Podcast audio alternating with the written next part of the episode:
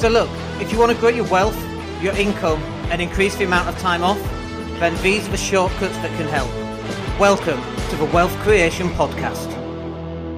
Hi, it's Dan, and welcome to today's marketing sales show. So, this week we're talking about search engine optimization all week, actually, because it's SEO week, and there's a, a really good discount um, available on our website, which the link you'll see below.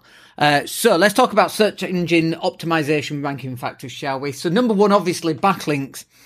Goes without saying, it's been like this for 25 years, 30 years since the internet was invented. The more backlinks that you get, uh, the better it is generally as a rule. But I also want to cover that, uh, as a rule bit off because you can't just go out and get backlinks from anywhere. You know, if you're a plumber and you're getting backlinks from a dog walking company, there's no relevance there to those backlinks whatsoever. And if you're getting you know, you could go out and buy 20 websites, for example, buy 20 domain names, put 20 websites up and just send all those backlinks back to your website. That's also not going to work, by the way. Google recognizes that. It's uh, quite clever in how it, how it does all that. Good quality backlinks is going to be the key for you. Uh, can you guest blog on other people's websites? Big conversation uh, about that going either side. My belief is yes, you still can uh, as long as it depends on the nature of the website. If that's all that that website does, then probably not. But like saying that, I mean, if you take like a news website like metro.co.uk, really that's all that is. It's just loads of guest bloggers. Sure, you know, the guest bloggers are authors or journalists, uh, actually, not authors, but the journalists, right? But it's, it's still kind of the same principle, but it's recognized as a news channel. And so Google will recognize that as a news channel. Um, you can't just go to a content writer's website, write a piece of content that does the same for thousands of other people that then just sends link back, links back to your website. That just simply doesn't work in 2024 or when whatever year you're happening to be listening to this. It might have worked 10 or 15 years ago, but that's sort of stuff just not happened for some time. Uh, linking, uh, backlinking has to be a natural kind of thing. Yeah, you can go out and request people to have uh, backlinks, but a, a better way of doing that would be to see something where someone's backlink actually doesn't work on another website that's relevant and you message them and you say, Hey, I noticed your backlink doesn't work. How about you send it back to our website? We've got an article just about that thing. Uh, and there's little, little bits of software out there that will help you do that. Obviously, that's an awful lot of work to do. There's an awful lot of outreach and so on. The best way that we found to get backlinks is by actually writing good quality content. And um, what's interesting as well is that the more we post content, like like videos, you know, like a video like this, for example, will go and get embedded onto the website, and then other people link to this video on my website. And that's a really nice way of doing it. And so the more content you actually put out there um, on social media, and the more uh, links that you've got going back to your website from social media, the more chance it's got of getting picked up. Plus, in addition to that, the more content you have going out on your website, the more that in turn will get picked up as well. So backlinks, it's a tough one, but it's the biggest, you know, I'd say it's probably the biggest ranking factor out there. But it's like anything. It's like baking a cake, you know. Um, what do you need in a cake? Well, you need eggs, you need milk, uh, flour, right? So, like saying backlinks is um, you know, is the biggest ranking factor. It's like saying flour's the most important factor in a cake. We can't make a cake without it. Just like you can't, you can't get SEO without backlinks. And you, can you take the eggs out of a cake? Well, no, you need that as well. And what about the milk? Can you take that out? I mean, I don't know enough about cakes, but I'm guessing you can't take that out. So all these things that goes into making a cake for you know, five or six different ingredients, that's the same on your website. Sure, backlinks is one of those ingredients, probably the most important, but it doesn't mean that you cannot have any other ingredients in your uh, website um, for SEO purposes. It's it's just you know you need all of them is what I'm trying to say. Uh, next one then, one of the biggest search engine optimization ranking factors um, is really down to user experience, and this comes down to three three different things really. So one of them is site speed. Site speed will have a massive, uh, dramatic impact. Uh, it's actually four things. So site speed will have a massive impact. User experience can also be about how easy is it to navigate the website. I was looking at a website yesterday and uh, they had quite a lot on the menus, but then mine does as well. But what was really nice about their website is that any page was just one click away. And if you're looking at uh, latest news, maximum latest news was two clicks away. And so that as a user experience works really well. People can go directly to get the information that they need very, very quickly without having to hunt around a website. I'm sure you've had that as well. Um, so user experience in terms of, um, functionality for the user when using the website. That's really important. And then website speed, that's really important as well. We host actually all of our websites on SiteGround.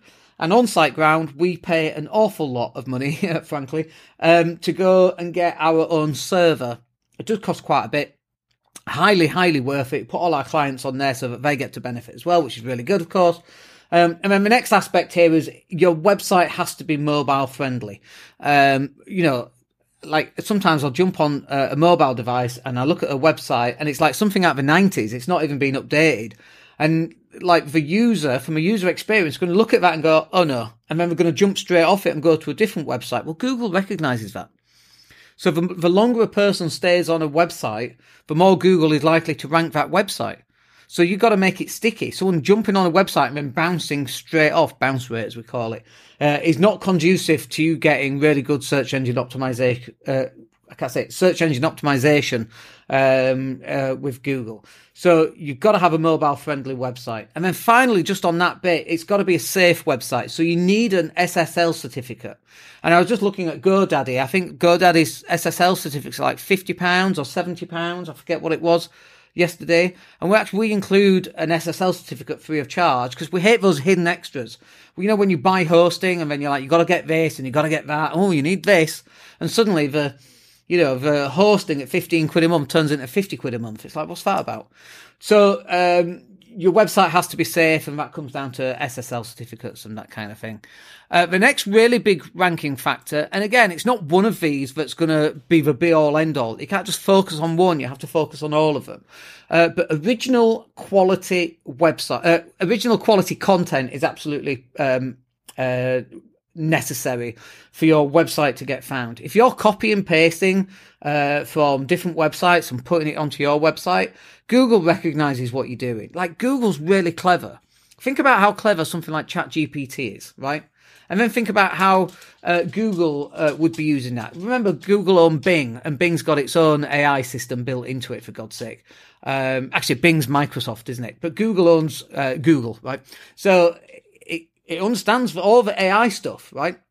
So you've got to be really careful with even things like AI, where it's um, rewriting somebody else's content and then uses Google to rewrite it, and then you copy and paste that and put that up. Google recognizes that that's just AI content. You've got to go in and edit that content because it's not original and it's not quality. So you might be posting a lot of content, but if it's just copy and paste, that's not actually going to work.